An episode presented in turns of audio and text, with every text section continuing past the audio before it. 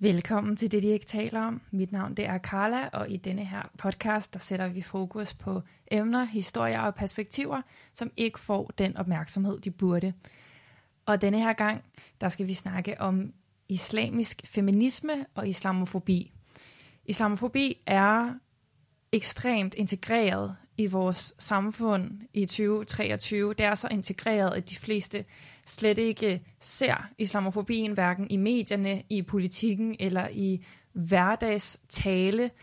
Derfor så har jeg inviteret gruppen Muslimsk Kvindekamp ind til det, de ikke taler om, for at snakke om både islamofobi, men også for at snakke om, hvad er islamisk feminisme, og hvordan adskiller den sig fra vestlig feminisme, og ikke mindst, hvordan kan vi forene de to, eller hvordan kan vi skabe et samfund, en bevægelse af solidaritet for at opnå ligestilling. Velkommen til jer tre. Mange tak. Mange tak. Vi ikke starte med at præsentere jer selv for, for lytterne, hvis vi tager den fra Edda og rundt. Jo, mit navn er Edda, og øh, jeg er medstifter af Muslims Kvindekamp, og øh, jeg øh, bruger enormt meget tid på at læse en masse litteratur omkring islamisk feminisme, og jeg har en kandidat i global, globale flygtningestudier, og øh, så bor jeg med min søn på Nørrebro. Mit navn er Hasib Nasiri. Jeg er doktorand i systematisk teologi og forsker i islamisk religionskritik. Og så er jeg medstifter af Muslimsk Kvindekamp sammen med Edda og Mariam. Og mit navn det er altså Mariam, og øh, jeg læser øh, jura til dagligt på Københavns Universitet, øh, og så er jeg også medstifter af Muslimsk Kvindekamp, og ligesom Edda og Hasib, så interesserer jeg mig også vildt meget for islamisk feminisme og alt det litteratur, der findes. Øh, så ja, det er i hvert fald det, vi nørder lidt med i vores dagligdag. Lige præcis. Det er I nørder med. Og hvad indebærer islamisk feminisme, hvis vi skal tage den helt, hvis vi skal tage den helt the basic først og få alle med. Hvad indebærer islamisk feminisme?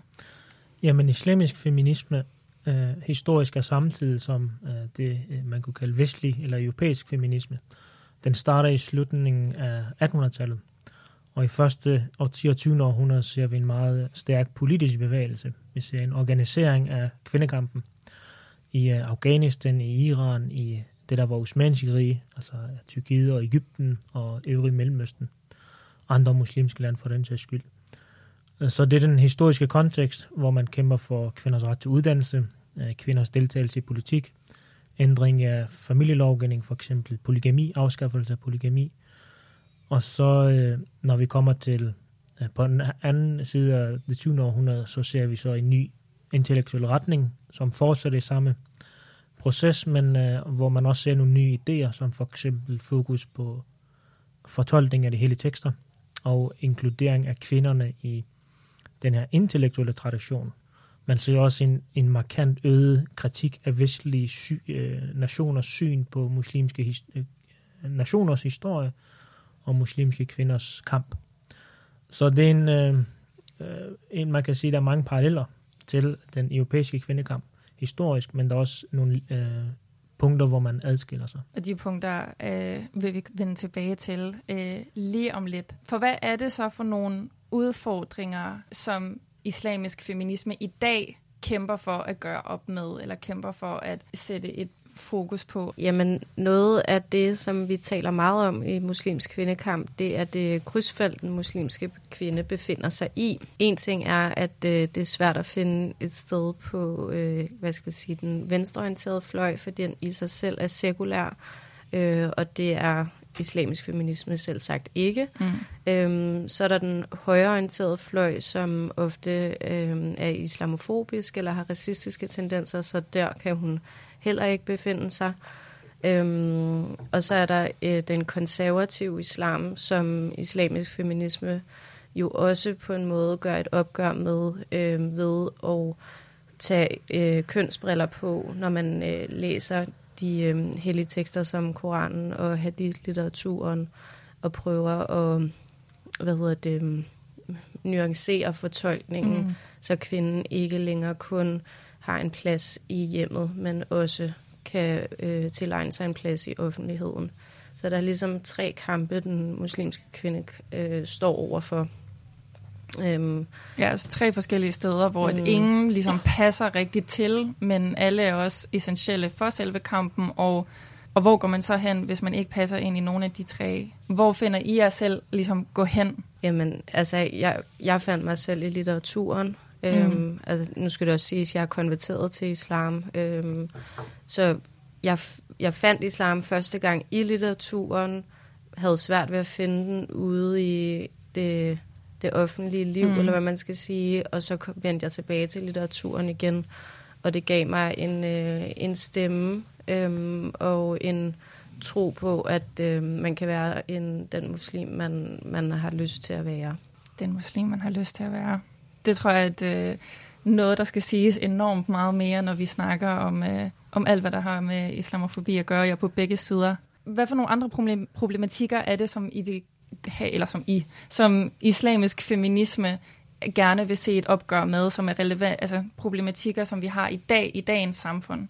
Ja, altså islamisk feminisme vil jo blandt andet gerne skabe rum til, at, at, at, at der er kvinder, blandt andet muslimske kvinder, at de kan få lov til at bevare deres religion, men samtidig også være frigjorte, mens altså, de ligesom mm. Mhm. kan, kan få lov til at dyrke deres religion, hvis det er det, de gerne vil. I, altså, i, i det her tilfælde islam for eksempel. Ikke? Og det ligesom ikke skal være øh, enten eller, at du kun kan være frigjort ved, at du har bortkastet Ja. religion. Men Ligesom det handler er- vel også om så at redefinere, hvad det er frigjort er. For når du siger frigjort versus religion, så ja. Bliver det nemlig, okay, Ja. så frigjorthed betyder, at man ikke er religiøs. Ja, lige præcis, fordi jeg tror, den der almindelige øh, forståelse for, hvordan man, kan, man som kvinde kan være frigjort, altså det er jo den der lidt mere sådan, det vi også taler med, med, med i forbindelse med vestlig feminisme, Mm. der er det jo meget det der med, at du kan ikke både være religiøs og være frigjort. Nej. Øh, så ja. Eller per automatik, hvis du er religiøs, så er du ikke frigjort, så er du holdt tilbage af, ja, af din religion, og den, Ja. den har overtaget på dig. Og det er vel også øh, netop det her med, at det er en dobbelthed. Altså en dobbeltkamp, at det handler ikke kun om at, for, at, øh, at skabe det her opgør i forhold til ikke-muslimers opfattelse af muslimske kvinder er, det er vel også internt i islam, at det her opgør er essentielt. Ja, absolut. Altså, jeg tror også bare, sådan, i forlængelse af det, som jeg sagde lige før, det der med, jeg tror også, vi mister rigtig mange øh, kvinder undervejs, som for eksempel øh, kan være ret religiøse, altså, Mm. men at de ligesom ikke føler sig repræsenteret i den vestlige feminisme, og de føler ikke, at de ligesom øh, kan være med på den bølge, fordi de ligesom ikke kan få lov til at tage deres religion med. Så vi mister dem jo også undervejs, så det er jo ligesom, man skal jo også sådan tænke over, er det virkelig en kvindekamp? Altså sådan, tager, har vi alle kvinderne med? Øh, eller vil vi, vælger vi kun at tage dem med, der ligesom øh, vælger at bortkaste? Så jeg tror også, det er vigtigt at forstå sig for kontekster. Mm. Både historisk og nutidig. Fordi jeg tror, vi har nogle helt specifikke udfordringer i Vesten. Og diaspora-muslimer, eller vestlige muslimer, eller hvad man nu vil kalde dem. Der har vi et problem med repræsentation, eller manglende repræsentation, for eksempel både på universitetsniveau i litteraturen, mm. i pensum, på pensum i folkeskolen og gymnasielle uddannelser. Altså det, jeg startede med at sige med kvindekampens historie, den fortælling eksister, er stort set ikke eksisterende. Mm. Og der er mange, selv med muslims baggrund, mænd og kvinder, de kender ikke deres egen kulturelle baggrund. Og så er der selvfølgelig det, du omtaler flere gange, islamofobien, eller i hvert fald en meget stærk negativ syn på islam og muslimer. Så meget stærk kamp i Vesten. Og så har du nogle andre lande, muslimske lande, øh, som Afghanistan, som Iran, hvor du har en statsstyret øh, kontrol, eller forsøg på kontrol med kvindekroppen, Mm. og en kropsdisciplinering, tvangsdisciplinering. Hvis du tager til øh, Tunesien, Marokko og nogle andre arabiske lande, så har du en anden udfordring. Så selvom der findes nogle fællesnævner i muslimsk kvindekamp, så findes der også nogle forskelle baseret på kontekster. Og det skal man tage højde for. For det er den stærke udfordring, det er også hele det her syn på religiøsitet. Og det er mere større problem i Vesten for muslimer, end det er i muslimske lande, Mm. hvor islam er jo ofte statsreligion. Nogle gange altså fundamentet, den ideologiske fundament for staten, andre gange, at, at islam er en historisk religion, som har været dominerende. Så det kommer meget ind på kontekst, men der er en dobbelthed, som det bliver påpeget, at der er en dobbelthed i muslimsk kvindekamp, at man på den ene side kæmper med det syn, man har haft på muslimske kvinder og kultur fra Vesten. Men på den anden side findes der også en, hvis vi tager familielovgivning som et eksempel, eller hvis vi tager teologien og fortolkning af teologien, så har flere feminister sagt, at den fortolkning er androcentrisk. Det vil sige, at den er mandecentreret. Vores kulturarv udgøres, vores religiøse kulturarv udgøres af mindelige teologer, som har fortolket. Og det har en betydning for, hvad for en for islam, form for islam, der kommer ud af det. Og de taler om, jamen det er også kvindernes ret til at også tage patent på ikke kun religion, men også hele den her kulturelle og intellektuelle tradition. Og når kvinderne gør det, vi har flere eksempler på litteratur, der genfortolker både Koranen, hadith-litteraturen, genfortolker eller har en dialog omkring øh, familielovgivning. Og der er selvfølgelig nogle helt andre produkter, der kommer ud af det. Så, så islam, altså jeg tror, hvis man skal være meget eksplicit, øh, det islamofobien gør, den præsenterer islam som en totalitet. Ja. Og det mange konservative salafi-muslimer gør. De vil også præsentere islam som en totalitet uden modsætninger. Mm. Men i virkelighedens islam, i historisk islam, så findes der faktisk ikke islam som en totalitet. Der findes forskellige fortolkninger, som bekriger hinanden. Og islamisk feminismens kamp mod islamiske traditioner, det handler om retten til at fortolke. Det Ja. handler ikke om retten til at afvise religion fuldstændig.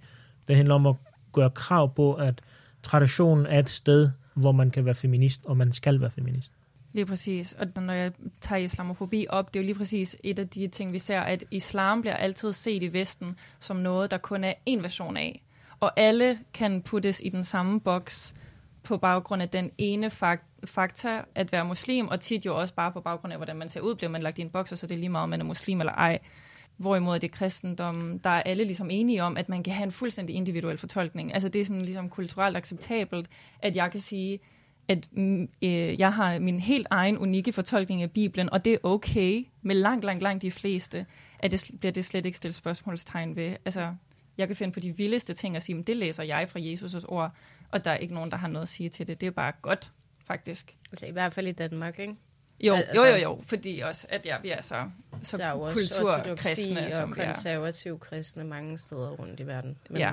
Men Mhm. det er jo igen også det, at det tager folk bort fra i langt de fleste tilfælde. Altså, der er jo ikke nogen, der, tager, der snakker om alle de øh, sindssyge øh, kristne typer i USA og Australien og, og, og i hele verden, som har alle mulige kulter og lever i alle mulige vanvittige samfund. De bliver jo aldrig et symbol på kristendom eller set som sådan, at kristendom så, eller det er det kristendom vil, hvorimod at altså, terrorister får lov til at definere islam globalt. Mm. Og det bliver heller aldrig en faktor, undskyld. Altså, det, det, religion bliver ikke... Altså, det er jo islam, der ofte bliver faktoren for brutalitet, øh, noget barbarisk, noget uciviliseret. Mm. Men hvis vi taler om øh, konflikten mellem Israel og Palæstina, så er det jo ikke jødedommen, der bliver syndebukken der. Mm. Altså, og der, der er det ofte islam, der, der, der lige pludselig spiller ind i den konflikt, selvom det overhovedet ikke handler om det. Nej.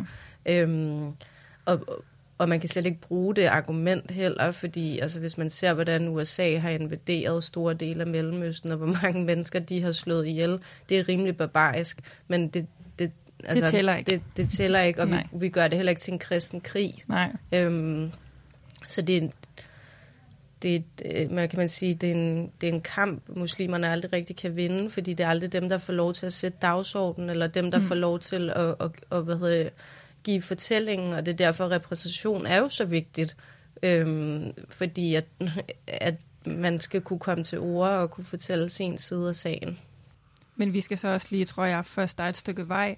En ting er repræsentationen, men vi har også et stykke vej, fordi islamofobi er så integreret nu i vores samfund, at folk slet ikke altså er blinde for det. Folk er blinde for, hvor islamofobiske medierne udtrykker sig, politikere udtrykker sig, og hvordan de selv udtrykker sig. Der er mange også mennesker i mit liv, som jeg hører udtale sig ekstremt generaliserende islamofobo- islamofobisk, og jeg ved, at de, altså de ser det ikke selv, det de sidder og siger som islamofobisk, eller ikke engang problematisk, fordi det er blevet så normaliseret og ligesom kommet stille og roligt ind. Jamen altså, øh, blandt andet det, som Edda snakker om med repræsentation, men egentlig også det her med, at øh, en ting er islamofobi, øh, og hvordan altså sådan, ikke-muslimer ser på muslimer, og den Mm. mm. generelle fortælling, vi har omkring øh, islam, og, som jo egentlig for det meste handler om den der konservative islam. Ikke? Vi er Mm. også nødt til at anerkende, altså, hvad er det for en fortolkning af islam, vi snakker om. En en anden del af det her er også faktisk det med, hvordan muslimerne selv, altså sådan, muslimerne skal jo også på en måde selv aktivt, øh, hvad hedder sådan noget, altså sådan, altså muslimer skal faktisk også selv søge ned i sin egen historie og søge ind mm.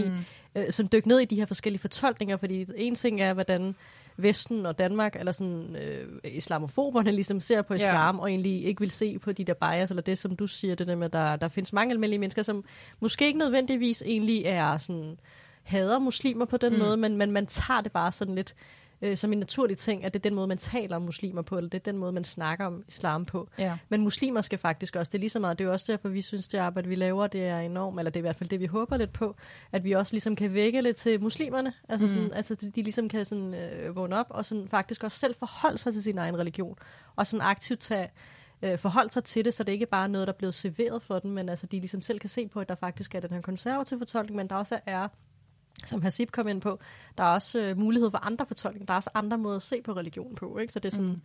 ja, så der, der, der er den her vidensarbejde jo enormt vigtigt. Dannelse, øh, hvad hedder det, vej er jo enormt altså sådan, ja. meningsfyldt. Ikke?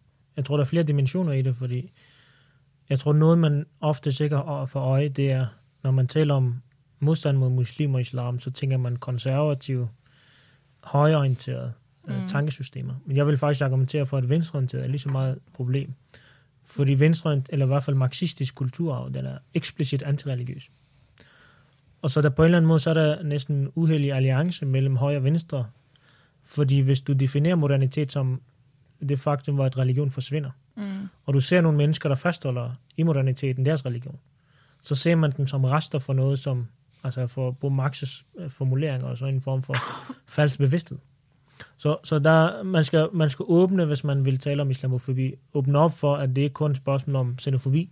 Mm. Faktisk er der også en form for ideologisk modsætning mellem religion og ikke-religion. Mm. Men jeg tror, øh, muslimernes forhold til egne tro, jeg vil, ikke, jeg vil ikke argumentere for, at det er noget, man reagerer på, fordi, eller noget, man vokser op i. Der er mange, altså en af grundene til, at salafismen udvikler sig, særligt i tiden 1970'erne, det er også et aktivt valg. Så muslimske nationer øh, lever også i en form for politisk, religiøs identitetskrise i det 20. århundrede. Mm. Fordi slutningen af 1900-tallet, starten af det 20. århundrede, der kollapser nogle af de her politiske systemer. På grund af kolonialisering. Så skal muslimer redefinere dem selv. Så opstår der nationalisme. Så man skaber nationalstater med forfatninger. Og så opstår der islamisme. Det første islamistiske parti er muslimske brøderskab i 1920'erne. Så på den måde er der også et opgør, selvopgør internt i muslimske nationer. Og det øh, islamisk feminisme tilhører samme tankesystem. Man skal redefinere sig selv som eksisterende religiøs menneske i et moderne liv. Eller ikke religiøs. Der, mm. Vi ser en, særligt i Iran og Tyrkiet ser, ser vi en meget antireligiøs nationalisme også eksisterer. Mm. Jeg tror, det er en naturlig proces for muslimske nationer, at det 20. århundrede har været et eksperiment. Der har man eksperimenteret med mange forskellige identiteter. Nu ser vi faktisk i Afghanistan og Iran osv., at med brutalisering af islamismen, så ser vi også, at nu har mange set, at islamismen var faktisk ikke en løsning. Det troede man på i 70'erne og 80'erne. Man troede, at islamismen var en, en, en utopi, man kunne flygte i. Men det har vist sig faktisk, at det har nogle fatale konsekvenser. Så nu ser vi mange lande, altså Iran havde jo en decideret islamistisk revolution. Og det er selv samme nation, både på ungdomsplan, men også på filosofisk plan, teologisk, der går imod Khomeinis arv.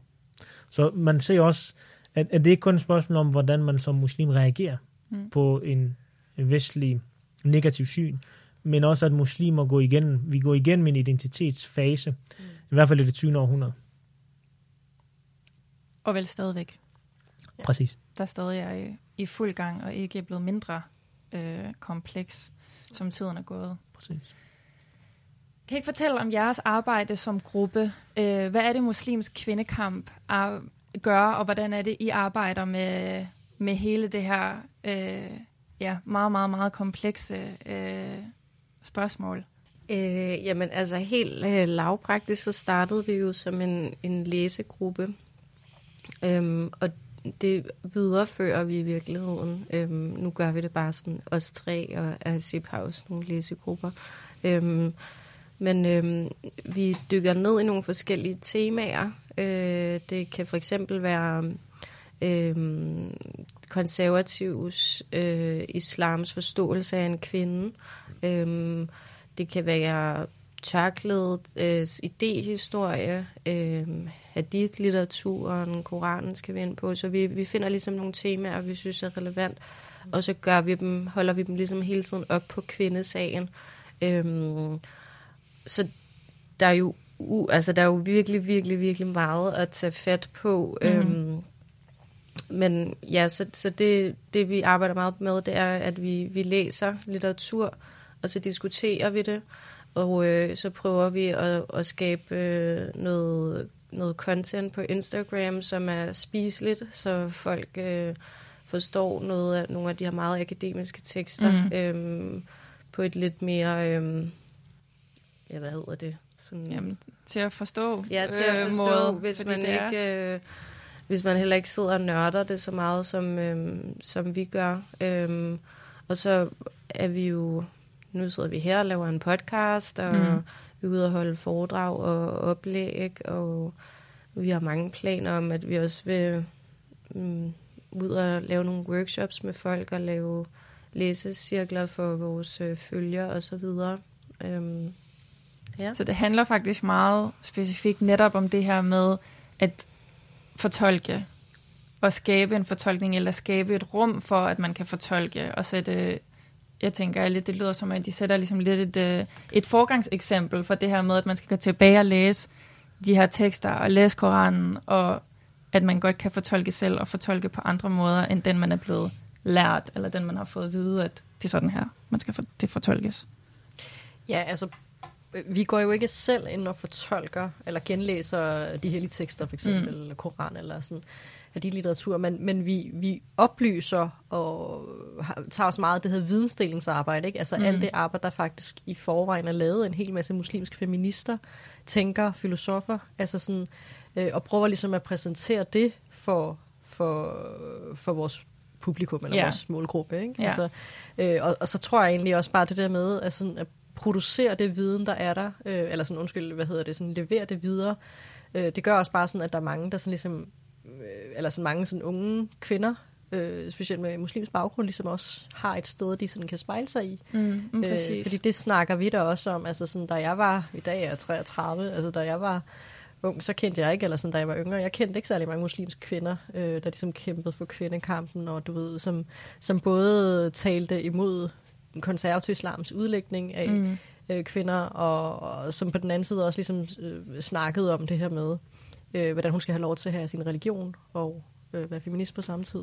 Vi er alle sammen er forskellige, og vi kommer med nogle forskellige perspektiver, øh, mm. og noget, vi kan bidrage med, og jeg synes det er vildt interessant at, at stikke lidt til mainstream feminisme, fordi at øh, jeg selv er etnisk dansk og vokset op med den her øh, fortælling om, øh, at, øh, at jeg er en fri kvinde. Mm. Øh, at, at udfordre det, fordi øh, jeg har masser af eksempler på, og, og erfaringer fra mit eget liv, hvor jeg ikke har følt mig frigjort.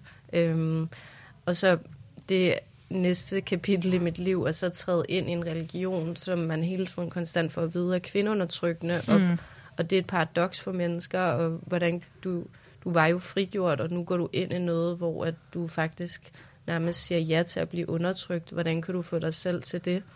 Øhm, det er noget af det, jeg sådan er meget optaget af. Ja. Øh, både at kritisere mainstream feminisme lidt, men så også samtidig har oplevet konservativ islam på egen krop, øhm, mm. og blive sat i en boks på den måde.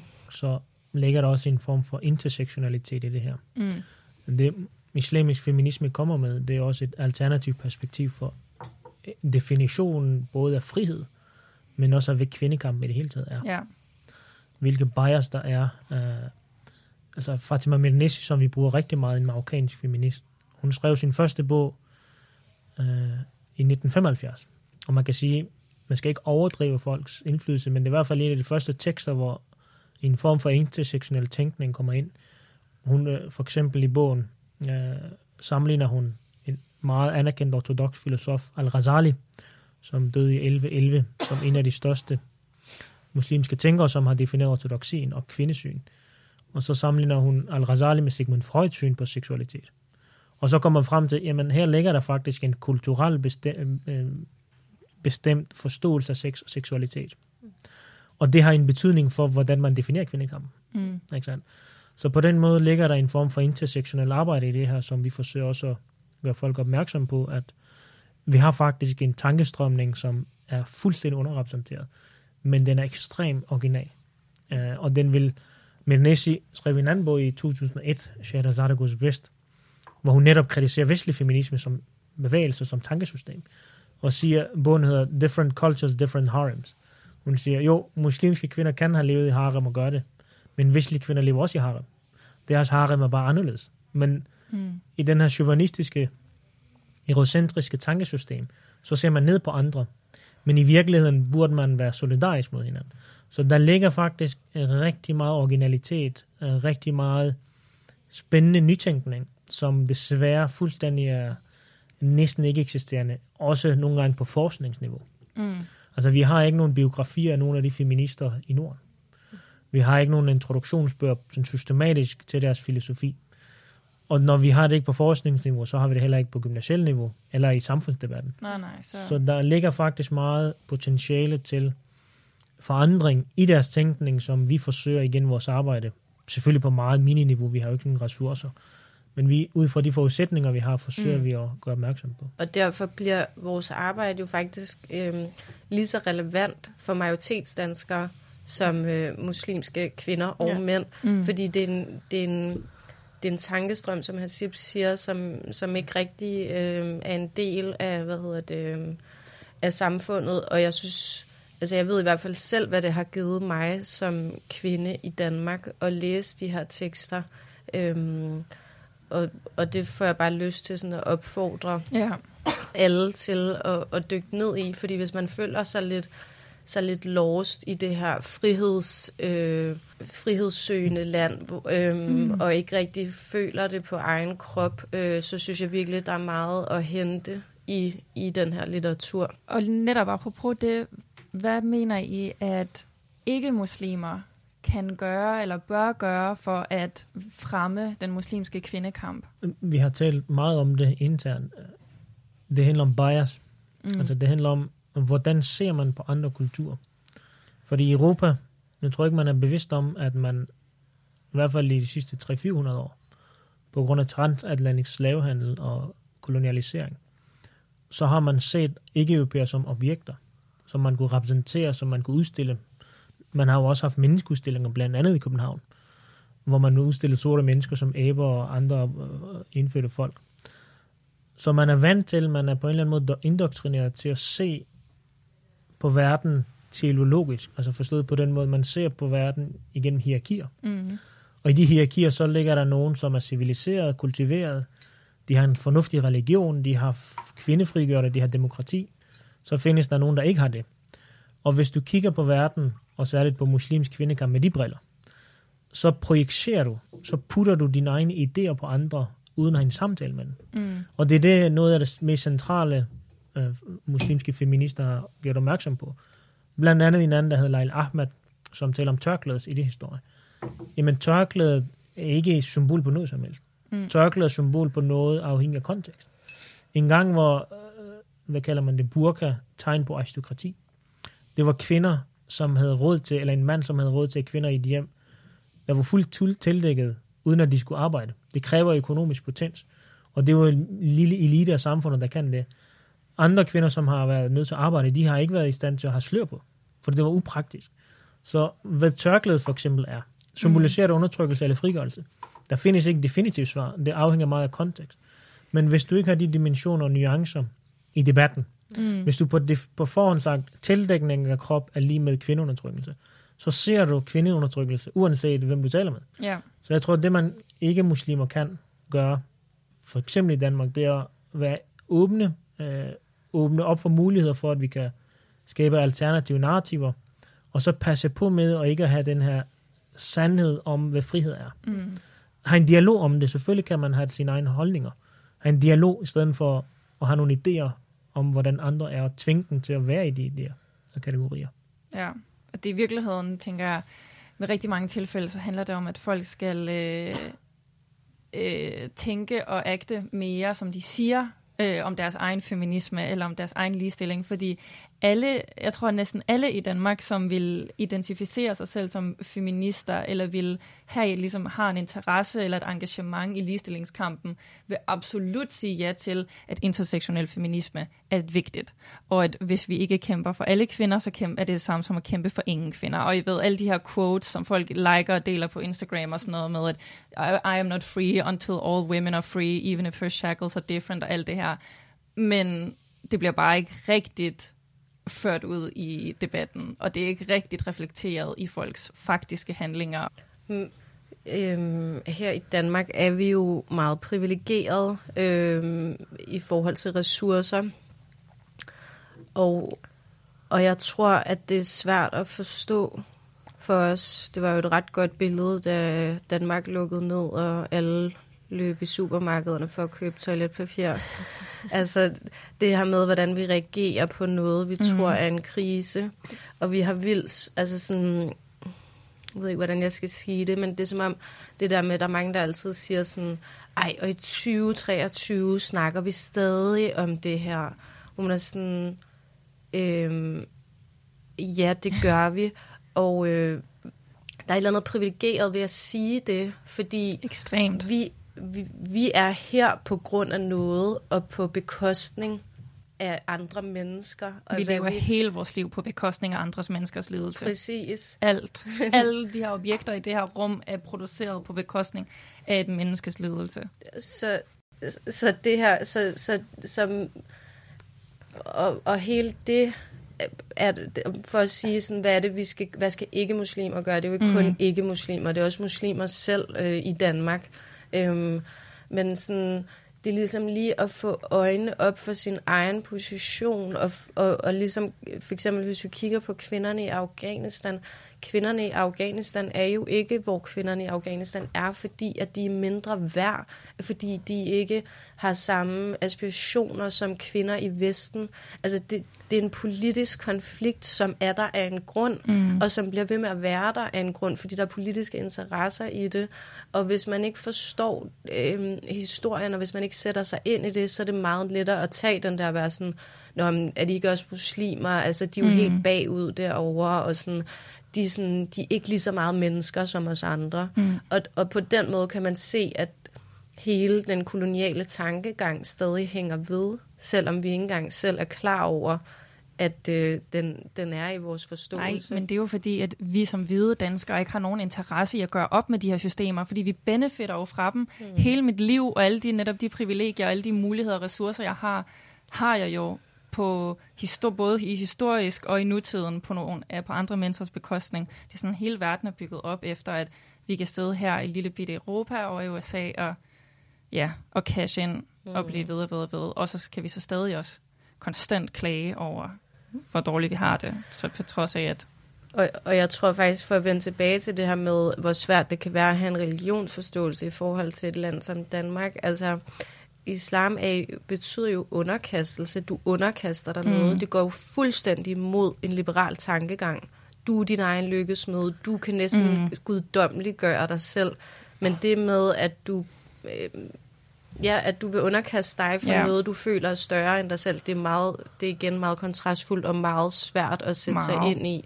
Hvordan kan du overhovedet have lyst til det, når du kan skabe så meget lykke Præcis. i dit eget liv? Øhm, Ja, det var bare lige en anden tanke, jeg lige fik. Men det er fuldstændig rigtigt, og det er det samme både med, med religion og med... Øhm, Hvis jeg må lige ja. kommentere på det her, fordi jeg tror en ting, som, og det tror jeg måske meget svært at drømme om, at det kommer at blive realiseret, men man forstår heller ikke, at de meget xenofobiske, øh, ekstremt fundamentalistiske muslimske bevægelser, der opstår, de er decideret koblet til øh, storpolitik islamismen blev for alvor en meget vigtig kraft øh, i Afghanistan, fordi man støttede mujahideen, fordi man, ligesom det, man går i Ukraine. Vi ved ikke, hvem vi giver penge til i Ukraine for øvrigt. Hvad kommer, der, hvad kommer de til at gøre, hvis krigen afslutter? Det ved vi ikke. Men hvis vi tager Afghanistan, så pumpede man, Lars Lykke var i grænselandet og gav våben, og den historie kender vi. Mm. Så man militariserede regionen. Og der var nogle muslimske stater som Pakistan og Saudi-Arabien, der var med i det der. Når konflikten sluttede, så vi et kollapset, så tog man fuldstændig ud. Taliban er biprodukt. Taliban eksisterede ikke. Taliban er ikke en bevægelse, der havde en lang historie. Det opstod for det, der opstod anarki blandt mujahideen. Så dermed, den krig, man har skabt, og den konflikt, man har skabt i Afghanistan, hvis afghanerne har en del af skylden, så større del af skylden ligger hos Pakistan, Saudi-Arabien og særligt USA og Vesten. Hvorfor støtter man nogen fundamentalister, som man ved, og så glemmer man landet fuldstændig, efter man har fået det, man vil have. Mm. Det samme med Irak. IS blev skabt på grund af invasionen. Så storpolitikken, som Danmark blandt andet deltager i, det har decideret en voldsom betydning for muslimske kvinders lidelser. Man producerer lidelse øh, igennem den her storpolitik. Man producerer fundamentalisme. Ikke at sige, at muslimsk fundamentalisme kun er vestlig konstruktion. Det er ikke rigtigt. Muslimsk fundamentalisme har sin egen historie. Mm. Men nogle gange skaber man mulighedsbetingelserne. I Libyen, i Irak, i Afghanistan. Hvis man skulle angribe Iran på et tidspunkt, samme katastrofe vil, vil mm. vi se. Altså, vi kommer til at have langt større lidelser for iranske kvinder, end den lidelse, de møder igennem statens tyranni. Mm. Så, og de dimensioner af storpolitik, det vil man ikke tale om. Jeg tror heller ikke desværre, at vi kommer til at se den erkendelse, at, at kolonialisme tror du, det, ikke... Fordi jeg vil rigtig gerne spørge, hvordan I oplever, hvor mange er bevidste om det her. Fordi jeg i mit liv oplever, at meget, meget få mennesker, jeg møder i min hverdag, især i, altså europæere i Vesten, de er overhovedet ikke altså, klar over de her dynamikker. Altså, at det, det her, der er ligesom, at det er det, der foregår. Jeg tror aldrig, man har accepteret og forstået kolonialismens betydning. Nej, men det er igen fordi... Og så længe man ikke gør det, det er ligesom med mange muslimer, de har ikke forstået betydning af den androcentriske diskurs, som har været islamisk ortodoksi. Mm. Så længe du ikke accepterer det, du kan pege på Vesten og sige, at alt dårligt kommer derfra. Men der ligger noget i muslimske uh, ortodoxe diskurser, som har været kvindefjendske. Så længe man ikke anerkender det, mm. så fører det ikke frigørelse. Nej. Det samme, så længe man virkelig ikke anerkender, at europæisk modernitet er i sit væsen et racistisk projekt. Europæisk modernitet vil aldrig opstå uden transatlantisk slavehandel. Når man anerkender det, så kan man så øh, bevæge sig mod øh, større frihed. Men jeg tror desværre, ud fra mit pessimistiske syn, at vi kommer ikke dertil. I hvert fald, der er lang tid til, ja. før vi kommer dertil. Ja. Ja, det tror jeg desværre også. Fordi igen, alle dem, som skal se de her anerkendelser i øjnene, er alle dem, som ikke ved det, fordi at de, øh, hvad hedder det på dansk, benefitter. De, har fordel af det. Ja, de har fordel af det lige præcis. Og det er jo det samme, både når vi taler islam, og når vi taler vesten. At, ja, at dem, der har skabt øh, det ødelæggende, det er selvfølgelig for, at de selv kan, selv kan tjene på det på, på mange forskellige måder. Hvad kan vi gøre, tror I, så for at fremme solidariteten, når vi nu har de her ekstremt store altså, ja, problematikker, som ikke bliver anerkendt og som ikke bliver talt om? Hvad kan vi så gøre for at fremme solidariteten, når nu at vi har så stort et, et, ja, hvad skal man sige, et bjerg af, af modstand? Jeg tror, vi har kommet med et bud, at øh, der ligger rigtig meget i, som jeg siger, repræsentation af et kæmpestort problem, og både selvfølgelig i den akademiske verden, men også uden for den akademiske verden, er altså i alle aspekter af repræsentation problem.